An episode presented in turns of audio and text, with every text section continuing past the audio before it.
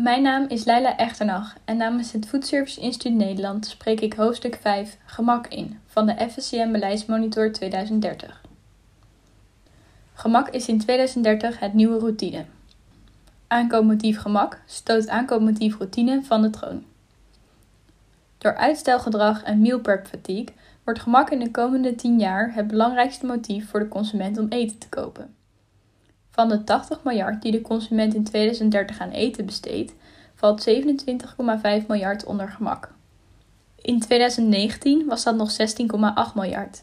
Dat is een groei van 64% Sinds het begin van de marktonderzoeken van het FSCN geeft de consument het meeste geld uit aan routinematige voedaankopen. Dat geldt in het bijzonder voor routine thuis. De week- en de maandboodschappen in de supermarkt zijn van oudsher veruit het grootste segment in volume. Ook in 2019, het laatste jaar voor corona, was routine met een marktaandeel van 40% nog steeds het belangrijkste aankoopmotief. Dat gaat in de komende jaren veranderen. In 2030 heeft gemak routine van de troon gestoten als voornaamste aankoopmotief. Het meest zichtbaar is die verschuiving bij de thuisconsumptie. In 2019 besteedde de consument nog maar 8,9 miljard aan gemak thuis. In 2030 is dat gestegen naar 16,9 miljard, een groei van 90% Ook onderweg groeit gemak sterk als aankoopmotief, namelijk met 55% Onbegrensd verlangen naar gemak. Of het nu gaat om ontbijt, lunch of avondeten, consumenten stellen hun aankoopbeslissingen steeds langer uit. Ook hebben ze steeds vaker geen zin of geen tijd om zelf een maaltijd te bereiden. De oplossing is gemak. De kant-en-klare de bezorgpizza, het vers gesmeerde broodje voor onderweg bij de benzinepomp, maar ook de flitsbezorger. Geholpen door bestel- en bezorgapps lijkt de behoefte aan gemak van de consument onbegrensd. Dit geldt in de eerste plaats voor de gemaksgeneraties, millennials en generatie Z. Hun invloed neemt de komende jaren enorm toe. In 2030 behoort bijna de helft van de volwassen Nederlandse bevolking tot de gemaksgeneraties. Gemak is een belangrijk onderdeel van de gejaagde leefstijl van deze generaties. We sommen op wat de gemaksgeneraties belangrijk vinden in food. 1. Eten moet niet alleen de maag vullen, maar ook op emotioneel vlak iets doen, zoals de aandacht even afleiden van stress of een goed gevoel geven. Gemak moet een genietcomponent hebben. 2. Lekker eten dat moeiteloos beschikbaar is, is de ultieme manier van ontspannen. 3. Oplossingen die alleen functioneel van aard zijn, spreken minder aan. Een kant-en-klaar maaltijd is niet per se ultieme ontspanning, doordat de lekker perceptie ontbreekt.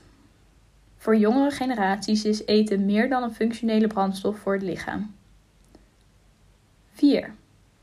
De jongste generatie, generatie Z, plant het minst van alle generaties. Slechts 17% plant de avondmaaltijd een paar dagen vooruit, tegen 34% van de millennials. Maaltijdbezorging is voor de jongere generaties dan ook de ultieme oplossing. Het is gemak en genieten tegelijk. 5. Millennials met kinderen ervaren nog meer tijdsdruk dan hun kinderloze leeftijdsgenoten. Ook voor hen is de meest voor de hand liggende optie het laten bezorgen van avondeten wanneer ze geen tijd of geen zin hebben om te koken. Maar het zijn niet alleen de jongeren die voor gemak kiezen. De vergrijzing in ons land is nog maar net begonnen en bereikt in 2040 het hoogtepunt. Door de sterke vergrijzing en de toename van het aantal alleenstaande ouderen stijgt de behoefte aan eenpersoons gemaksoplossingen. In 2030 woont bijna een vijfde van de bevolking alleen. Eenpersoonshuishoudens kiezen vaker voor gemaksoplossingen.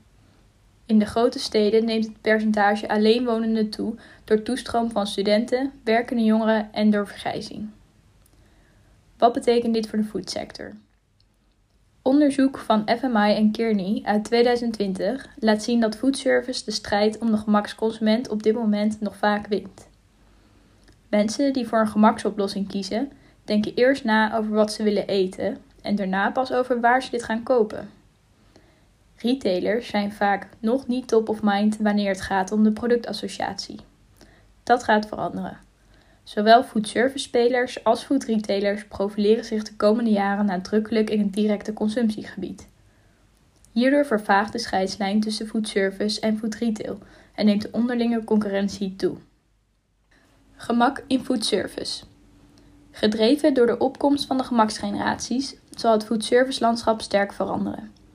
Binnen foodservice ontstaat een grotere scheiding tussen functioneel eten in horeca en belevingshoreca. Vooral de functionele horeca zal sterk groeien en veel retailkenmerken overnemen.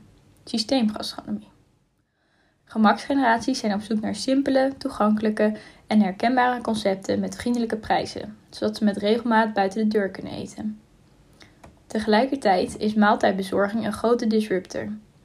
Voor de jongere generaties is maaltijdbezorging steeds vaker het primaire alternatief wanneer zij geen zin hebben om te koken. Off-premise, alle consumptie buiten restaurantmuren, is daarmee dé groeimarkt voor de komende 10 jaar. Gemak in food retail. Of het nu gaat om het kiezen, kopen, bereiden of consumeren van een product. De consument wil in alles worden ontzorgd. Het begrip gemak wordt tot 2030 steeds belangrijker in food retail. Consumenten kopen geen ingrediënten meer, maar gemaksoplossingen. Uit eten gaan in de supermarkt blijft tot 2030 relatief klein, maar van retailers wordt steeds vaker een functionele gemaksoplossing verwacht.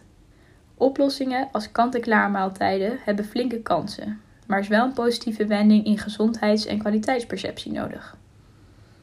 Online is boodschappenbezorging op dit moment nog gestoeld op de klassieke geplande weekboodschap.